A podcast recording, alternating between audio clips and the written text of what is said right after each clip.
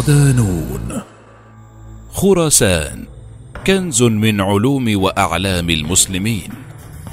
مقال لرندا عطية ضمن ملف خراسان. تاريخيا امتدت حدود خراسان القديمة في الجزء الشرقي من الإمبراطورية الفارسية. وبعد انهيار الإمبراطورية توزعت أراضيها بين الدول المجاورة لها وهي إيران وأفغانستان وطاجكستان وتركستان وأوزباكستان. واليوم صارت محصورة تحديدا بين شرق إيران وشمال غرب أفغانستان وبعض المدن في طاجكستان وأوزباكستان. يعرف الإقليم بكونه أحد قلاع العلم والثقافة الإسلامية ومفرخة الفقهاء والعلماء في شتى المجالات ممن أثروا في الحضارة الإنسانية بإسهامات لا ينكرها منصف. فظلت حتى اليوم شاهدة على عظمة هذا الجيل الذي استطاع أن يحول تلك البقعة الصغيرة جغرافيا إلى مركز علمي. ومن أهم تلك الأسماء البخاري النيسابوري الأصفهاني النسائي ابن ماجه مسلم الطبراني الحازمي ابن سينا الكعبي البلخي البيروني الهمذاني. يصف الباحث المؤرخ محمود شاكر حال هذا الإقليم في افتتاحية كتابه خراسان قائلا كانت حاضرة المناطق ثم غيبتها الأيام ونسيها سكان الزمان وتقاسمتها الدول فأغفل المؤرخون ذكرها وأهمل الباحثون دراستها حيث ضمت إلى أراضي واسعة فضاعت لصغرها النسبي وكان الضياع مقصودا والإهمال متعمدا كانت مدنها العامرة نسبا لعلمائها الذين ملأوا الدنيا علما فعرفتهم أقاصي المعمورة. وطوف ذكرهم البلاد على حين زالت مدنهم وأمحت آثارها أو استبدل باسمها آخر وطمست معالمها. ويقول شمس الدين المقدسي الرحالة وأحد أبرز جغرافيي العالم إنها أجل الأقاليم وأكثرها أجلة وعلماء. وهو معدن الخير ومستقر العلم وركن الإسلام المحكم وحصنه الأعظم. ملكه خير الملوك وجنده خير الجنود.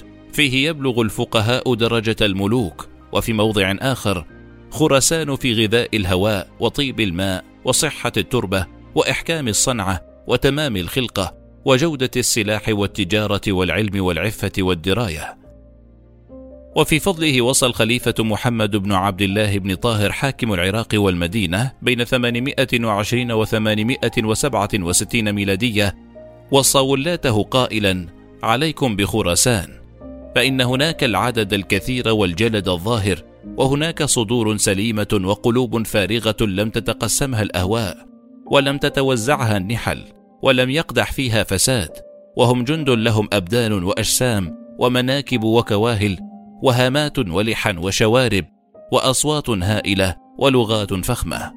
في المادة الأولى من ملف خراسان العلوم نلقي الضوء على أبرز المحطات في تاريخ إقليم خراسان وإسهاماته العلمية مع التعريج سريعا على أهم البؤر الفكرية التي كانت منصات رئيسية لانطلاق شعاع العلم منذ أن من الله عليه بالإسلام حين فتحت عام 643 ميلادية في عهد الفاروق عمر بن الخطاب رضي الله عنه.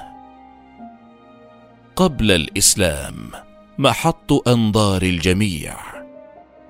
كان إقليم خراسان جزءا من الإمبراطورية الأخمينية الفارسية بين 350 و 330 قبل الميلاد قبل أن يسقط في قبضة الإسكندر الأكبر عام 33 قبل الميلاد وكان يسمى حينها أريانا وكان أهلها يدينون بزراتشتيه إحدى أديان المجوسية القديمة وفي القرن الأول الميلادي سقط الجزء الجنوبي من خراسان الذي كان تحت ولاية إيران الكبرى آنذاك في قبضة إمبراطور كوشان في القرن الأول الميلادي. لتبدأ مرحلة التوسع نحو أفغانستان حيث بنى حكام كوشان عاصمة لهم في باغرام ومع تحالف الكوشانية مع الإمبراطورية الساسانية بين 226 و 651 ميلادية قسمت بلاد فارس إلى أربعة مناطق في الغرب خوارفان وفي الشمال أباكستار وفي الجنوب من مروز وكانت خراسان في الشرق التي قسمت في الحقبة الساسانية إلى أربعة مناطق أخرى هي نيسابور ومرو وهرات وبلخ. دخل الساسانيون في صراعات كبيرة مع القوى المحيطة من حولهم وعلى رأسها العرب ما دفع آخر ملوك الساسانيين في بلاد فارس يزجرد الثالث إلى نقل العرش إلى خراسان بعد سيطرة القبائل العربية على أجزاء كبيرة من غرب الإمبراطورية وبعد معارك ضارية سقط الملك قتيلا. لتبدأ مرحلة جديدة من تاريخ خراسان حين فتحها المسلمون عام 647 ميلادية. في كنف الإسلام إنجازات حضارية. بعد انتصار المسلمين على الفرس في معركة نهاوند عام 643 ميلادية وهي المعركة التي اعتبرها المؤرخون فاتحة الفتوحات لبلاد فارس أمر أمير المؤمنين الفاروق عمر بن الخطاب بالتوغل أكثر داخل مناطق فارس وفتحها. وبالفعل تجهز جيش جرار مؤلف من سبعة ألوية لتلك المهمة ووكل فتح خراسان للأحنف بن قيس رضي الله عنه. ونظرا لمكانة هذا الإقليم الساحر جغرافيا ثم علميا لاحقا حرص العديد من الصحابة والتابعين على الاستقرار فيه وبعضهم أصر على البقاء حتى وفاته إذ يقول الحاكم في المستدرك نزل خراسان من الصحابة وتوفي بها بريدة بن حصيب الأسلمي ومدفون بمرو وأبو برزة الأسلمي والحكم بن عمرو الغفاري وعبد الله بن خازم الأسلمي المدفون بنيسابور وقثم بن العباس المدفون بسمرقند. وما إن أقام المسلمون في خراسان حتى عمروها وبذلوا لأجل ذلك الوقت والجهد لتحويلها من إقليم صحراوي يقبع سكانه في براثن الجهل والمجوسية والكفر إلى قلعة من النور والإيمان. وبالفعل انشقت الأرض من تحت أقدام المسلمين لتخرج عشرات البقاع والمناطق التي تحولت فيما بعد إلى مراكز علمية عريقة. يستعرض الباحث المؤرخ راغب السرجاني في مقال له أبرز المراكز العلمية التي دشنها المسلمون في خراسان بعد فتحها منها الدينور الواقعة في الجهة الغربية الشمالية من إيران الحديثة وينسب إليها الفضل في الأدب والحديث والعلوم. كذلك همذان دار السنة في قلب خراسان التي تحتضن علماء الفقه والحديث منذ عام 200 للهجرة.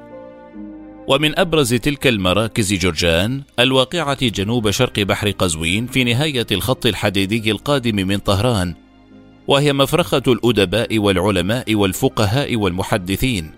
شأنها شأن نيسابور الواقعة جنوب مشهد الإيرانية وتسمى دار السنة والعوالي، مثلها مثل مرو التي تقع اليوم ضمن بلاد تركمان تركمانستان وهي مركز الأعيان وعلماء الدين. وهناك بلخ إلى الغرب من مدينة مزار شريف وتحتل مكانة مقدسة لما يرافقها من الكثير من السرديات التي يكذب المؤرخون الكثير منها منها ما يتعلق بكونها مدفن الصحابي الجليل علي بن أبي طالب وهي من المدن الأفغانية المهمة في الوقت الحاضر. ومن أعظم المناطق التي يشار لها بالبنان بخارى الواقعة في جمهورية أوزباكستان وهي المدينة التي ينتمي إليها البخاري والمسندين وبجوارها سمرقند ثاني أكبر مدن أوزباكستان التي ينسب إليها الفضل في الفقه وعلوم الدين ومن أعلامها أبي عبد الله بن عبد الرحمن الدارمي ومحمد بن نصر المروزي وهو شأن خوارزم بجانب أصبهان أحد أشهر المدن الإيرانية اليوم. خراسان والحركة العلمية. قدمت خراسان للحضارة والإنسانية ما لم تقدمه غيرها من العواصم بل إنها تنافس القاهرة وبغداد ودمشق ومعهم الأندلس في ريادة الحركة الفكرية والعلمية الدينية والدنيوية التي توثقها شهادات المؤرخين وصفحات الموثقين وأرفف المكتبات في المشرق والمغرب ففي علوم الفقه ساهم علماؤها في إنعاش المكتبة الإسلامية بعشرات التصنيفات ومن أبرزهم أبو حاتم محمد بن حبان التميمي السمرقندي وأبو بكر محمد بن المنذر النيسابوري وأبو بكر ابن فورك الأصفهاني الأصل الأصولي المتكلم كذلك أبو بكر أحمد بن الحسن البيهقي الحافظ الشافعي. كما تزخر مكتبات علوم الفقه والحديث بأمهات الكتب التي كتبها المحدثون والفقهاء الخراسانيون من بينهم البلخي والسرخسي والخوارزمي والسمرقندي والفارابي والبخاري والترمذي والصاغاني والأبيردي والقاشاني والشاشي والنيسابوري والهروي والفرغاني والزمخشري والصغدي والبيهقي والبستي. ومن علوم الفقه إلى الفلسفة شهدت خراسان نهضة فلسفية غير مسبوقة في العواصم الإسلامية والعربية ويرجع الفضل في ذلك إلى أبي زيد أحمد بن سهل البلخي الذي جمع بين الفلسفة والعلوم الشرعية والأدب الذي قال فيه أبو حيان التوحيدي الذي أقوله وأعتقده أني لم أجد في جميع من تقدم وتأخر ثلاثة لو اجتمع الثقلان على تقريضهم ومدحهم ونشر فضائلهم في أخلاقهم وعلمهم ومصنفاتهم ورسائلهم مدى الدنيا لما بلغوا آخر ما يستحقه كل واحد منهم. أحدهم أبو عثمان عمرو بن بحر الجاحظ والثاني أبو حنيفة الدينوري فإنه من نوادر الرجال. جمع بين حكمة الفلاسفة وبيان العرب له في كل فن ساق وقدم ورواء وحكم. والثالث أبو زيد أحمد بن سهل البلخي فإنه لم يتقدم له شبيه في العصر الأول ولا يظن أنه يوجد له نظير في مستأنف الدهر ومن تصفح كلامه في كتب أقسام العلوم وفي كتاب أخلاق الأمم وفي كتاب نظم القرآن وكتاب اختيار السيرة وفي رسائله على إخوانه وجوابه عما يسأل عنه ويبده به علم أنه بحر البحور وأنه عالم العلماء. وما رثي في الناس من جمع بين الحكمة والشريعة سواه وإن القول فيه لكثير. ومن أعلام الفلسفة في الإقليم أبو القاسم عبد الله بن أحمد الكعبي بن علي بن سينا من بلخ وكان من المتكلمين العظام له مذهب خاص وأتباع يقال لهم الكعبية وكان له دور كبير في نشر الحركة الفلسفية والعقلية في خراسان ووفر إلى جوار أقرانه البيئة المناسبة لتخريج علماء أفذاذ على شاكلة الفيلسوف الكبير والطبيب العلامة ابن سينا. وفي علوم الطب كان لخراسان باع طويل في إثراء الحركة العلمية في هذا المجال حيث برز أعلام ومشاهير قدموا تصنيفات لا تزال تمثل المرجعية الأساسية لأطباء العالم حتى اليوم ومن أبرزهم سهل النيلي النيسابوري الذي من أقيم مؤلفاته شرح مسائل حنين وهناك أبو بكر الإبراهيمي النيسابوري وأبو الحسن المروزي صاحب الموسوعة الخالدة فردوس الحكمة التي حوت عشرات البحوث في الطب والفلك والظواهر الجوية وعلم النفس. وهو صاحب اكتشاف أن مرض السل ينتقل بالعدوى بين البشر وله مؤلفات عدة في فوائد الأطعمة وأنواع الأغذية الجيدة والعقاقير وخلافه ولا يقل عنه في إسهاماته الجليلة. تلميذه النجيب أبو بكر الرازي صاحب مؤلفات الجدر والحصبة والحصى في الكلى والمثانة ودفع مضار الأغذية وبرء ساعة وكتاب الفاخر في الطب. وفي الرياضيات ظهر أبو محمد الشعراني الرازي الذي توفي عام 353 هجرية المولود في نيسابور وهو من أعظم من كتب في علوم الحساب والجبر والهندسة إضافة إلى محمد القهستاني وابن حمدوية الفرائضي وأبو الحسن الحاتمي والوفاء البزجاني. أحد أعلام الهندسة وصاحب المؤلفات العظيمة ومنها مشسطي والعمل لجدول الستين وكتاب الزيج الشامل. أما في الفلك فليس هناك أشهر من الأسرة الخراسانية المعروفة أبناء موسى بن شاكر الثلاثة محمد وأحمد والحسن الذين أسموا بمؤلفاتهم واكتشافاتهم في إثراء علوم الفلك في عهد المأمون الذي أجزل لهم العطاء وخصص لهم دارا في أعلى ضاحية من بغداد لرصد النجوم رصدا دقيقا ولهم باع طويل في كل ما يتعلق بحساب ومجاري النجوم والشمس والقمر ومعرفة الطوالع وتيسيرها كذلك التقاويم وأحوال الأجرام السماوية وأوضاعها وأشكالها. برعت خراسان أيضا في علوم الفقه والفلك والرياضيات والطب وأبدعت كذلك في علوم اللغة والآداب. ويعود الفضل في ذلك إلى العالمين الشهيرين أبا بكر الخوارزمي وبديع الزمان الهمذاني.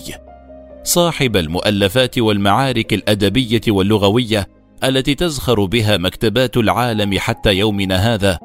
وهناك أيضا من أئمة اللغة الأزهري أبو منصور محمد بن أحمد الأزهر وأصله من هرات وصاحب كتاب التهذيب الشهير كذلك الجوهري صاحب الصحاح.